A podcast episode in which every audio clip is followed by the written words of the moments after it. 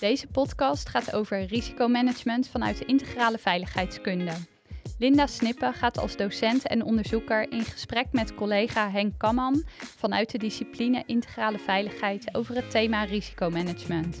Vierdejaars studenten Anne Doorstein en werkveldpartner Paul Tonen van het NIBHV geven hun kijk vanuit de safety kant. Hartelijk welkom bij Hogeschool in Holland. We gaan het thema risicomanagement verkennen met elkaar vanuit verschillende disciplines, namelijk vanuit integrale veiligheidskunde en bedrijfseconomisch perspectief. Ik ben Linda Snippen en ik ben docent en onderzoeker bij Hogeschool in Holland en verbonden aan de financiële opleidingen. Uh, ik zit hier aan tafel met Anne Doorstein. Zij is vierdejaars student integrale veiligheidskunde. Uh, met Henk Kamman, uh, gepensioneerd collega, dat gaat hij straks zelf toelichten. Ook van de opleiding IVK. En met Paul Tonen van het NIBHV. Hij is onze werkveldpartner. Uh, en uh, Paul, ik wilde eigenlijk uh, meteen bij jou beginnen. Of jij iets wil vertellen over jouw huidige baan? Ja, mijn naam is Paul Toon. Ik ben opleidingskundige adviseur bij het Nederlands Instituut voor Bedrijfshulpverlening. En dat betekent eigenlijk dat het NIBHV een certificeringsinstituut is op basis van de ABO-wet. dus wij hebben een ehm, nou, eigenlijk een certificeringsreglement samengesteld voor eh, BHV-opleidingen. Uh, waar ze moeten voldoen, waar instructeurs aan moeten voldoen. Om uiteindelijk ook de kwaliteit van opleidingen te kunnen waarborgen. En we hebben ongeveer zo'n ehm, ja, zo'n 900 opleiders die met onze spullen, content werken. en die content komt eigenlijk van het NIPV, het Nederlands Instituut voor Fysieke Veiligheid. Uh, Schaarsberg en Arnhem, de voormalige uh, brandweeracademie. Um, en we werken heel veel samen met het uh, Oranje Kruis. Dus um, de eerste hulp en brand en ontruimen komt eigenlijk van die twee componenten en zijn allemaal wetenschappelijk onderbouwd. Zodat wij de BHV'ers en instructeurs de contentontwikkeling voor onze rekening nemen. Mooi. En als iedereen die dus zo goed is opgeleid bij jullie zijn werk ook doet zoals dat bedoeld is, dan kun je de risico's vele malen uh, kleiner houden dan ja. dat dat niet zo ja, zou is correct. Als het goed is, zijn alle BHV'ers die uh, bij ons opgeleid zijn, opgeleid op de risico's van hun werkplek. En ja, wat we eigenlijk steeds meer, en dan, daarom is het fijn om in deze omgeving te zitten met de IVK'ers, um, om te kijken wat kunnen we op preventief uh, opzicht nog meer doen. Dus wij kijken ook echt vanuit die adviseursrol die ik heb bij grote bedrijven van ja, maar wat speelt hier nu? En hoe gaan we daar uiteindelijk invulling aan geven? Dus echt kijken naar de risico's en niet meer dan dat. Helder. Uh, Anne, uh, jij bent uh, vierdejaars studenten integrale veiligheidskunde. Je hebt je stage gedaan in de energiesector en je hebt ook twee hele leuke bijbanen die gerelateerd zijn aan integrale veiligheid. Wil jij daar wat over vertellen? ja, natuurlijk. ja, ik ben Anne, vierdejaars student. en ik heb inderdaad dus vorig jaar stage gelopen bij de energiebrand, waar ik me bezig hield met alternatieve brandstoffen. Uh, ik heb daar meegewerkt uh, om de uh, het veiligheidsgevoel te verhogen onder werknemers binnen- en buitenland, omdat zij dus werkzaam zijn internationaal. Daarnaast heb ik meegeholpen aan de Veiligheidsdag daar zo, om ook de um, medewerkers binnen het pand waar ik werkte het veiligheidsgevoel te verhogen. Um, en daarnaast ben ik dus ook werkzaam uh, bij SMG uh, eh, in de Kuip als steward. En daarnaast heb ik ook gewerkt bij uh, Zandvoort vorig jaar 2021, de Dutch Grand Prix. Hele toffe bijbanen zijn dat. En ja. wat doe je dan precies, bijvoorbeeld als steward in de Kuip? Bij steward ben ik vooral poortleider. En daarbij doe ik dus de toegangscontrole van alle supporters die binnenkomen bij bij de Kuip, bij, uh, voor Feyenoord, bij de wedstrijden daarvan. En bij Zandvoort heb ik uh, ook de toegangscontrole gedaan en daarvoor uh, voornamelijk de tassencontrole. Dus dat er verboden middelen of andere gekkigheid niet Zandvoort het circuit opkomen. Ja, dus eigenlijk als preventieve functie hè, om bepaalde risico's te voorkomen. Ja. Ja, Leuk. Zeker. Dankjewel. uh, Henk, uh, we hebben, of ik heb eerder een podcast opgenomen over risicomanagement. En uh, nou, jouw um, reactie daarop was van, nou, wat een interessante podcast vanuit bedrijfskundig perspectief. maar er zijn nog meer perspectieven waarop je naar risicomanagement kunt kijken. En nou, ik was ontzettend blij met jouw reactie, want dat was dus ook de aanleiding van het feit dat we hier nu met elkaar in gesprek zijn. Uh, wil jij jezelf ook nog uh, nader voorstellen? Ja, dat, uh, dat wil ik zeker. ik ben sinds vorig jaar gepensioneerd docent hier.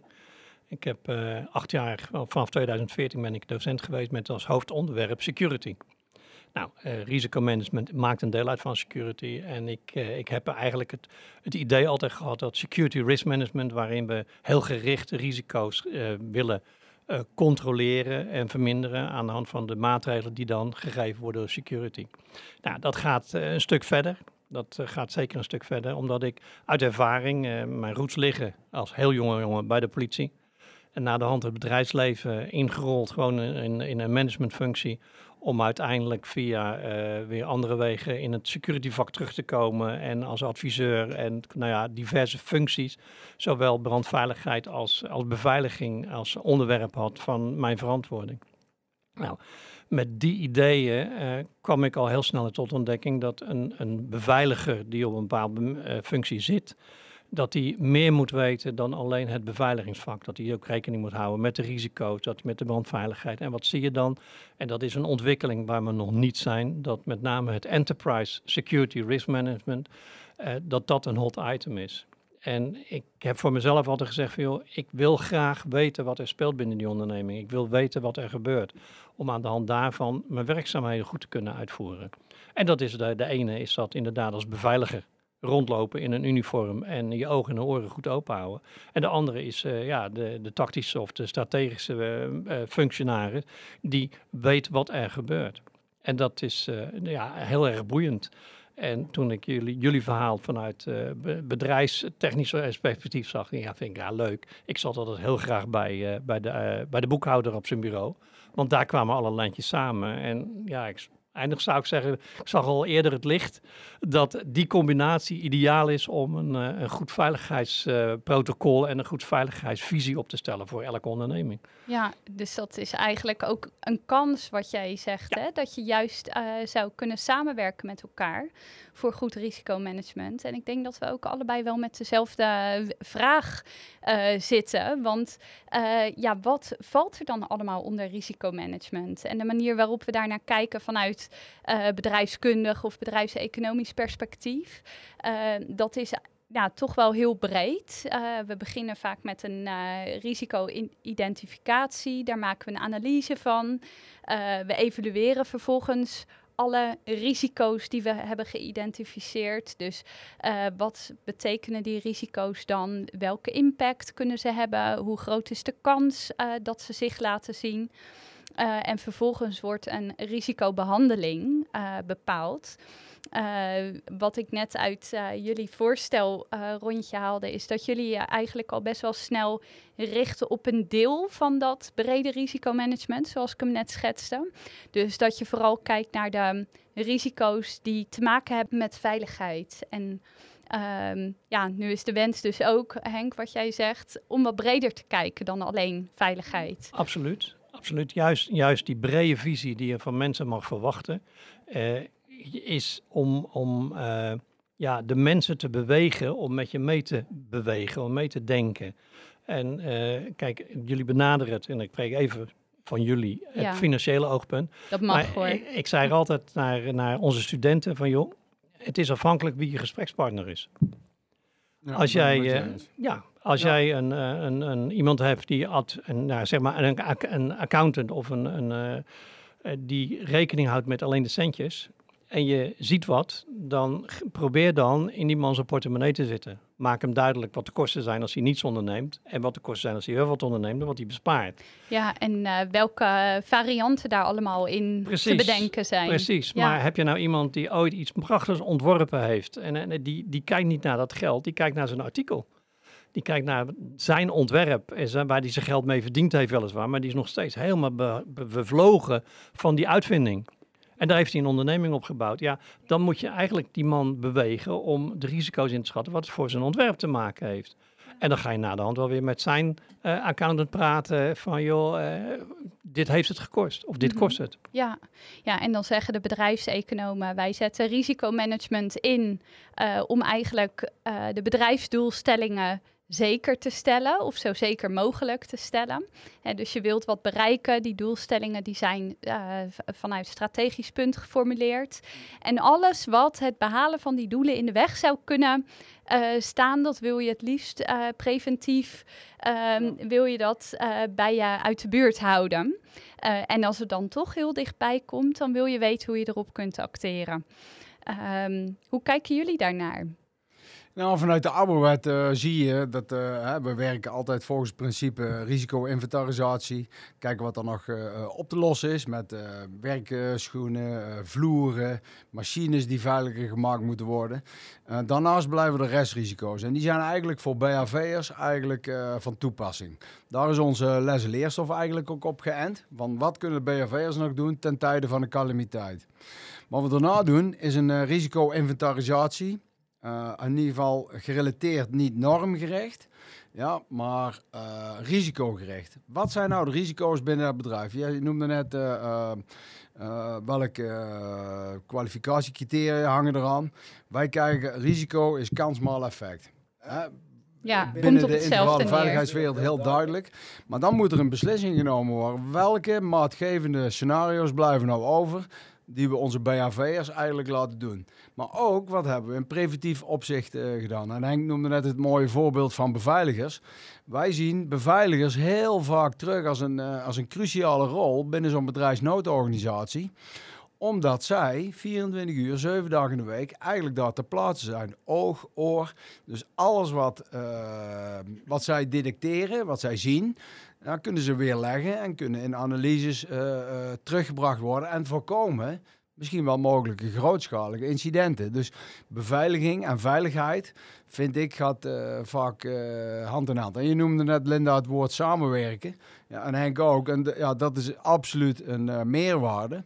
Maar dan, als je het ook nog goed inbouwt in je cultuur... Ja, wat Anne ook aangaf, hè, veiligheidscultuur, veiligheidsdenken. Ja, dat is niet van de ene op de andere dag. Maar dat doe je ook samen. Ja? En dus juist door eh, oefeningen te houden, samenwerken, contextrijk oefenen. Ja, dus dat je, nou, dan ben je eigenlijk al in, eh, in de goede richting. En wat je zei, hè, money driven. Ehm, veel al kijken. Ik ben een heel groot bedrijf geweest in het zuiden des lands. Was het producten maken die heel Nederland eh, of heel de wereld wil hebben. Ehm, ja, daar hebben ze ook te maken met continuïteitsbeheer. Dan moet om de drie weken moet daar een eh, machine afgeleverd worden van eh, 330 miljoen. Iedere minuut dat het stilstaat, kost geld. Dus daar hebben ze een eh, preventie eh, op toegepast, maar ook repressie. Hè, dus een eh, hele skillvolle bedrijfsnoodorganisatie gebouwd om maar heel snel weer eh, vanuit die clean rooms alles weer aan de gang eh, te zetten. Dus ik zie heel veel samenwerken en eh, dingen in kaart brengen. Is, en niet normgericht van hè, wat jij zei, doe maar een papiertje. Want Henk zei, ja, inkoper, hè, dan is het money driven. Maar ehm, ja, het gaat er meer om eh, hoe, eh, wat, welke doelen wil je nastreven. Kijk, en continuïteitsbeheer kan daar ook een, eh, een onderdeel van zijn. Ja, met name die doelen nastreven, dat vind je dus ook vanuit de security oogpunt weer. Hè. Ze hebben een, een doelstelling. En die doelstelling moet je behalen. Nou, daar heb je een aantal eh, eh, ja, items voor nodig. eh, Ja. Die moet je beschermen. En wij zeggen dan van, nou, dat zijn er vier. Dat zijn de mensen, dat is je fysieke eigendom, en dat is ICT en je informatie. En die vier, als je die beveiligt, dan heb je in ieder geval de basis gelegd om je doelstelling te bereiken. Nou, dan ben je al echt heel erg ver als je al die vier gebieden eh, goed beveiligd hebt. Ja, Helemaal mee eens. En eh, ik zou ook de laatste zijn die zal zeggen, ben, heb je de opleiding IVK achter de rug, dan heb je ze alle vier in je pocket. Nee, dan gaat het beginnen. En dan zal er uiteindelijk toch wel een specialisatie uit naar voren komen. En, en ja, wat Paul al zegt, die zit met name op het operationele niveau. Maar ik denk dat je wel een tekort doet. Want jij zit ook heel veel op tactisch en op strategisch niveau. Want je moet ook die, die directeur moet je overtuigen van die maatregelen. Ja, en als de operationele risico's zo groot worden, wordt het vanzelf een strategisch risico. Absoluut. Zo is het ook wel Ben ik weer. Ja, je helemaal eens. Ja, Ja. ehm, nou, Henk, je noemde net die vier eh, eh, vakgebieden binnen eh, security. Herken jij dat ook, Anne, vanuit de praktijk? Bijvoorbeeld eh, vanuit je stage of je bijbanen? Dat ik maar moet blijven leren. Ook? Ja, en ook eh, nou ja, mensen, processen, ICT en informatievoorziening. dat die vier elementen, dat je die wilt eh, beveiligen. En ja, hoe ontwikkel je dan zo'n specialisme? Blijven leren. Ja. Ja, ik eh, merkte dat ook heel erg in mijn stage. Dat ik vaak genoeg begrippen of woorden of andere dingen gewoon niet herkende. Of nog wist dat het was. Ik moest het maar blijven opzoeken, navragen aan mijn stagebegeleider. Alles, ja, er is zo, het is zo groot en zo breed. Ja, ja, het is blijven leren, ja, inderdaad. ja. En eh, hebben jullie eh, ook de indruk dat een van die vier eh, gebieden heel erg aan het veranderen is op dit moment? Cybersecurity. Ja. Cybersecurity. Ja. Ja, Ja. Ja, dat is een. eh, ik, ik denk nog wel eens een beetje een ondergeschoven kindje, lijkt het. Hoewel het aan de andere kant een hot item is op dit moment, je hoort niet anders. En, en cyber, nou, daar kan je wel een soort types aan toekennen. Maar dat is wel de uitdaging. En ja, dat moet je wel liggen. En, en ik vind binnen de opleiding, zoals we die hebben, je moet de raakvlakken kennen, je moet de kenmerken herkennen. En je hoeft geen specialist te zijn in dat specifieke vak, maar wel de weg weten dat je ja, kan aanbieden aan jouw opdrachtgever, aan je werkgever, dat daar maatregelen genomen moeten worden. En dat je de weg ook weet waar die maatregelen vandaan moeten komen. ja, En dan is met name cyber en de information security is natuurlijk ja, een dingetje dat, ja, we, we zitten er middenin op het moment. Elke keer worden we weer herinnerd eraan. Klopt. ja, heel bekend. We Ja. zitten midden in een, eh, in een soort crisis, zullen we maar zeggen, waar juist eh, ja, bedrijven hun eh, continuïteit moeten waarborgen. Dat zit hem in, eh, in de vooruitgang die wij geboekt hebben op eh, verschillende gebieden. Maar ja, er zijn landen die eh, graag eh, willen beschikken over deze info. Dus eh, ja, ik vind het mooi om te horen dat ook Anne vanuit haar eh, eh, opleiding, IVK, het is eigenlijk heel breed. Maar het is mooi om jongeren eigenlijk eh, onder te dompelen in eh, diverse eh, leeromgevingen in de praktijk. Om daar te ervaren van ja, waar, welke richting wil ik eigenlijk op? Waar wil ik me in specialiseren? En ja, er is zoveel potentieel. Ja, en het is ook van essentieel belang. Want als er door één goede hackpoging de continuïteit van het bedrijf meteen eh, op losse poten staat, ja, dat heeft dan natuurlijk een enorme impact. Ehm, ik ben ook wel heel nieuwsgierig naar preventief beleid, wat eh, bedrijven zouden kunnen voeren daarop. Eh, en ook ja, op het moment dat een eh, organisatie in zijn geheel of ten dele gehackt wordt, ja, wat kun je dan doen? Nou, ik ga eigenlijk nog een stapje terug. Ik ga leren naar dat veiligheidsgevoel, naar die, die, die indrukken die de mensen hebben. Daar, je, je moet de mensen bewuster van maken wat, wat de gevolgen zijn van hun handelen. En ik kende een, eh, een, een- nog niet zo lang geleden een onderneming in de, in de regio die eh, ja, diverse vestigingen had, die aangesloten waren op een glasvezelnetwerk. En een van de vestigingen, daar hing de, de plek waar de kabel binnenkwam, dat kastje was open. En er enige discussie er gevoerd werd van wiens verantwoording is dat nou? En dan heb je de, de, de gebouwbeheerder die zegt ja, dat is voor ICT. En de ICT zegt nee, het zit aan het gebouw voor, het is gebouwbeheerder. Maar er wordt voorbij gegaan aan het risico dat iemand die nieuwsgierig is, daar heel veel mee zou kunnen. En die wel technisch onderlegd moet zijn, maar het risico is aanwezig dat je data gaat verliezen. Ja, en het verlies van data is, is gigantisch ja. voor elke onderneming. Nou, dat soort discussies. Dus die, die, die, eh, die instelling die die bedrijven hebben, dus de bewustwording bij alle mensen, dat is de eerste stap. Ja, dus dan zeg je eigenlijk, al- als ik dan vraag naar het beleid wat erop gevoerd wordt, dat eh, de cultuur en de houding en het gedrag van mensen daar Absoluut. echt een ontzettend groot deel van dat is het uitmaakt. groot. Want je kan nog zo goed je BHV opzetten, je kan nog eens je beveiliging opzetten. Eh, je moet met de mensen zover krijgen dat ze met je meedenken. Eh, een ander bedrijf waar ik eh, ooit een test mocht doen en eh, zonder controle wel naar binnen kon. Daar hingen de posters aan de muur van let op, de muren hebben oren. Ja, hartstikke leuk. Maar dat was economisch gestuurd. Maar security technisch, ik liep gewoon mee. Het nadeel was, ik kon niet meer naar buiten. Oh. Dat, dus ik moest me wel melden van dat het geluk was om binnen te komen. Maar ik had vrij toegang tot alle ruimtes. En dat soort acties, ja, daarmee maak je de mensen wel wakker.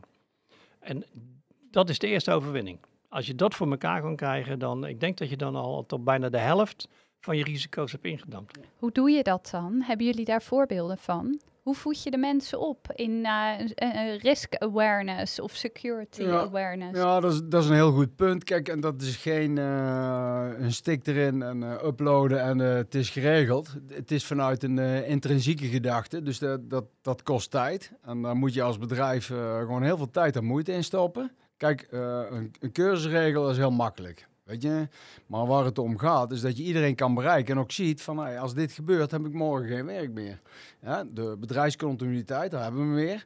Ja, moet eigenlijk goed opgebouwd. En hun houding, gedrag eh, is erg belangrijk om eh, straks eh, eigenlijk gewoon je werk nog voor te kunnen zetten. Zonder dat het eigenlijk gewoon naar buiten sluist. Zodat anderen, die met een andere intentie willen beschikken over jouw producten. Maar ja, Anne, je had toch ook een, een, een stageplek waar je dit soort dingen met mensen wil, wilde bereiken. Misschien kun je, kun je daar iets over zeggen, hoe moeilijk of hoe makkelijk het juist is. Hoe moeilijk of makkelijker het juist is wat? Uh, om bedrijfs- of veiligheidscultuur uh, in te brengen. Dat je ze mee kan nemen. Dat ze zich awareness, laat ik het zo zeggen. Ja, um, binnen uh, het bedrijf werd er heel erg gefocust op veiligheid al. Maar de fysieke veiligheid moesten ze vooral ook leren. Oh, ja. Dus er was daar binnen ook een magazijn met allemaal zware goederen. En ja. moesten ze ook veiligheidsschoenen aan en een veiligheidshesje en ook ja. eigenlijk een helm. Deden ze dat? Nee. Ah, oké. Okay. Dus ik moest dan natuurlijk als stagiaire en mijn stagebegeleider ook en iedereen van de HCQ-afdeling, die moest het goede voorbeeld geven. Maar ik moet wel eerlijk zeggen dat het soms ook niet altijd werd gedaan. Dus uh, ja, dan heb ik die veiligheidsdag georganiseerd, inderdaad, met de twaalf golden rules, hoe ze dat daar noemden. Dus de twaalf regels die ze moesten, ja. uh, zich aan moesten houden. Ja, dat uh, is belangrijk. Ja. Ja. om het ook weer even op te helderen. Elk jaar werd, werd dat gegeven. En nu was het aan mij om die dag te geven. Okay. om die informatie te geven. Ja. het was leuk. Nou, zeker als IVK dan zie je dat je uh, met kleine stapjes gewoon invloed hebt op, uh, op de veiligheid, op de, op de werkvloer. Ja. En, dat, en daar, uh, daar vinden we elkaar samen, los in de uitvoering, maar ook in de voorbereiding. Ja, vind ik een, een, een functie zoals jij die straks afgestudeerd bent, dat je het werkveld ingaat, daar moet het van hebben. Want veiligheid is nog steeds, ja, het moet, doe maar een papiertje. Maar het heeft geen inhoud. Het is een lege ballon. Je moet je ook aanpassen. Of je moet de producten ook aanpassen aan de, ja. aan de medewerkers daar bijvoorbeeld. Correct. Want wij hadden daar slip-ons uh, van die veiligheidsschoenen ja, over ja, je schoenen heen. Maar dat zagen ze juist als een obstakel om die schoenen aan te oh, doen. Okay, nou. Dus nou, dat hebben we aangepast naar gewoon veiligheidsschoenen de, met uh, sokjes die je weg kon gooien na gebruik. Dus je zag wel dat het toen wat meer gebruikt werd. Dus het is verhoogd, maar het moest wel blijven verhogen. Ja. ja. Mooi. Nou, dan heb je echt al wel een goede bijdrage kunnen leveren ja, tijdens een stage. Ja. ja. dat kan niet iedereen zeggen. Dus ja. leuk. Ja, dankjewel. Ja, en is dat ook de richting uh, waar jij mee verder wil? Of heb je al een uh, idee uh, over jouw ideale toekomstige baan? Mijn leven is al heel anders gelopen hoe ik het had verwacht. Ik had eerst geprobeerd om uh, bij de marechaussee te gaan. Dat heb ik helaas niet gehaald. Um, toen ben ik deze opleiding gaan doen. Toen uh, heb ik vorig jaar dus uh, mijn meeloopstage bij de energiebranche gelopen, wat ik hartstikke geweldig vond. Um, dus ik weet niet waar ik ga eindigen. um, ik, uh, ik hoop dat ik gewoon een leuke baan vind, wat ik interessant vind. Het heeft iets met veiligheid, het moet iets met veiligheid te maken hebben, want dat vind ik gewoon natuurlijk interessant. En daar studeer ik voor. Maar of ik bij Defensie of binnen een bedrijf uh, of NIBAV zou ook interessant zijn, lesgeven. Ja. Dat is niet helemaal aan mij weggelegd, maar het uh, alsmaar met veiligheid te maken heeft. Mooi. Ja. Nou, er zullen vast uh, genoeg goede opties zijn. Ja. Ja, en met die gedrevenheid, dan uh, ga je vast een hele leuke plek vinden. Ik hoop het. Ja. En ik zorg er zelf ook voor dat ik een leuke plek vind. Ja, zeker. Ik wil er heel even op reageren. Wat, wat ik zie bij onze, met name onze oud-studenten, als je ze binnen ziet komen, dan zal er nou misschien één of twee van de hele grote groep die zal zeggen van nou, ik wil wat in die check, in die safety, die health, die environment gaan doen. En uh, het is niet hun eerste keus. En wat zij nou zegt van nou, ik had al niet verwacht dat ik het leuk zou vinden. En dat vind je dus terug. Want de meeste die ik nog kan volgen, zijn allemaal werkzaam, juist in die branche. Dus daar zit best wel wat in de onbekendheid van wat er allemaal kan. En wat, hoe leuk het kan zijn. Ja, dat is uh, ideaal. En hoe goed we het ook verkopen binnen de opleiding. De eerste keuze zal het nooit zijn. Maar de meesten komen daarin wel terecht. Want er is ook het meeste werk in, laat ja. eerlijk wezen. Dus dat, dat werkt wel. Ja, en, ik baalde eerst dat mijn stage afliep. Ja, precies, dat geloof ik. ik uh, was er vaak uh, liever langer gebleven, inderdaad. Misschien hoop ik daar ook nog terug te komen. Maar we zien wel wat er ja. gebeurt. Ja, en, en de, de invloed die ze hebben in hun stage. En daar heb ik ook nog een mooi voorbeeld van. Nou, in de Rotterdamse haven dan. Uh, goed voorbeeld, doet goed volgen. En een van de opmerkingen die de stagiaire bij de, bij de scriptie maakte, was van ja, geef het goede voorbeeld, meneer de directeur. Ja. En die zat dus bij het eindgesprek. En die zat in eerste instantie met rode oortjes. En zei, ja, ik zit toch te genieten, want ik ben ook degene die die helm niet opzet als ik naar buiten ga. Ja. En vanaf heden ga ik het doen, want ik ga het goede voorbeeld geven. Ja, en dat zijn die kleine dingetjes, die, die werken gewoon. En het is juist als ze ja, daar zitten, dat het bespreekbaar is. Men ziet die herkenning en dat is geweldig. Je bent, ook, als, oh, je bent ook als een voorbeeldfunctie. Ja, je, Zeker. Ja. Nou, en ik wil er nog bij zeggen dat je, want ik werk veel met uh, IVK'ers en uh, HVK'ers. Je hebt gewoon zoveel invloed op uh, hoe een bedrijf uh, aan de achterkant functioneert. En ik zei het in het begin al, zij focussen zich op hun uh, eigen product. En daar zijn ze heel goed in. Maar er moeten ook specialisten zijn die de randvoorwaarden goed in de gaten houden. Dat dat werkproces door kan blijven gaan zonder ja, het proces te hoeven stoppen. Ja, en op je kivive zijn op de risico's die er, die er zijn. Daar hebben we echt nog steeds heel veel mensen voor nodig. Dus het is een prachtig werkgebied. Nou, dan ga ik een laatste vraag stellen aan jullie voor de afsluiting. En dat is, hoe zie je de samenwerking tussen control en security binnen de organisatie om risico's nou, te voorkomen of als ze zich voordoen ook snel de kop in te kunnen drukken? Ja. Ja, ik, je, je moet altijd uh, met uh, types zoals Linda bevriend uh, blijven. Want um, uiteindelijk zijn er risico's die opgelost moeten worden. Ja, maar controle en finance is, moet daar wel een goedkeuring om geven. Je bedoelt Anne? Op, op basis op Anna, hè, net zo goed. Nee, maar control en finance, het gaat erom dat je een, een probleemstelling uh, ondervindt. Ja, je moet het met elkaar oplossen. Er horen hele goede uh, gespecificeerde ar uh, argumenten onder. Want het een kan niet zonder het ander. Laten ja. we wel wezen, risico's moeten opgelost worden. Kost vaak geld. En proberen het natuurlijk zo geruisloos mogelijk op te lossen. Maar het is echt ontzettend belangrijk om ja, met elkaar samen te blijven werken. Om het doel ook te behalen. Iedereen Mooi. wil veilig van zijn werk naar huis komen.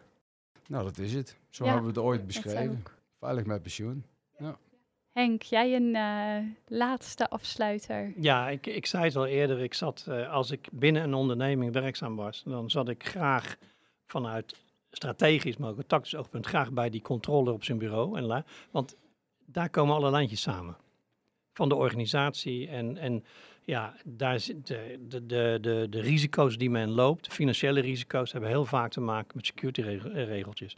En ja, we zeggen nog wel eens uh, van de, vertrouwen is goed, maar controleren is beter. En dan hoef je helemaal niet achterdochtig te zijn op je mensen, maar wel zodanig organiseren dat er altijd een, een tweede beoordeling is op bepaalde acties. En, en ja, dan vond ik het altijd leuk om advocaat van de duivel te zijn. En gewoon aan te tonen in die organisatie hoe makkelijk ik kon frauderen. En dat toonde ik ook aan. En dan was het graag schrikken. He, dus, maar ja, met dieven vang je dieven. Dus ja, ik moet eerlijk zeggen, ik ben nooit geweest. Maar ja. bewust worden en daarin die samenwerking zoeken met elkaar. Maar dat betekent ook dat je kennis moet hebben. Dus ja, de, de security man of de, de, de security safety manager moet ook financiële kennis hebben. Ja. Niet gedetailleerd, er hoeft geen controle te zijn. moet wel weten wat er speelt. Net zo goed als je wat moet weten van de organisatie, van het product, van de, van de nou ja. En dat kost even tijd. heel leuk om te horen dat jij ook een soort ethical hacker geweest bent. Gewoon wel, om ja. te, Ja. zelf te controleren of je nou om de afspraken Ja, maar- heen kunt. hè. Ja, maar ook de, de, inderdaad de ethical hacker. Ja, ik, de, het systeem hackte ik, maar dan niet eens met de computer, maar gewoon met mijn gedrag. Ja. Ik kreeg verantwoordelijkheden en ik kon tekenen tot in het grootste niveau en niemand die mij controleerde. Dus ik kon eh, buiten mijn werkgever toonde ik aan dat ik nog extra inkomen kon verdienen van hun. en dat, eh, dat eh, tot de dag van vandaag weet ik bij hun dat het niet veranderd is. Oké, nou dan is het goed dat je geen naam genoemd hebt. Nee, duidelijk Nee, niet. Duidelijk niet. Nee. Als laatste hoe ik denk over de samenwerking tussen control en eh, security. Dat gaat toch om eh, de voorspelbare risico's, om die met elkaar eh, nou ja, goed door te nemen en daar een, eh, een passende behandeling eh, op te formuleren. En dat is dan natuurlijk niet alleen vanuit veiligheidskunde en controle, maar juist ook met de business erbij. En om daarnaast ook heel alert te zijn op de scenario's die zich nog meer zouden kunnen voordoen in de toekomst. Nou ja, rekening houdend met allerlei crises die er zijn, zoals de energiecrisis, zoals een coronapandemie en eh, een grondstoffencrisis. Nou, we kunnen er nog meer opnoemen. Eh, dat ook dat soort scenario's samen met eh, collega's goed worden doorlopen en dat er ook eh, acties eh, bedacht worden gezamenlijk, hoe daar eventueel op te reageren als het zich voordoet. Eh, en ik denk dat we daar nog een wereld te winnen hebben, want wat er allemaal in de wereld speelt, dat is niet meer te vangen in de reguliere modellen.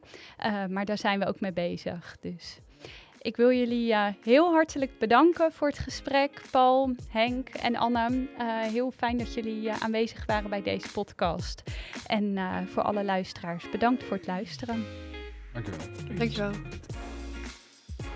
Je hebt alweer geluisterd naar de vijfde aflevering van Business and Finance van Hogeschool in Holland. Door Henk, Anne, Paul en Linda is gesproken over risicomanagement vanuit de integrale veiligheidskunde. We zijn heel benieuwd wat je van onze podcasts vindt en horen graag jouw reactie. De volgende aflevering gaat over sturen op impact en maatschappelijke waarden door hogescholen.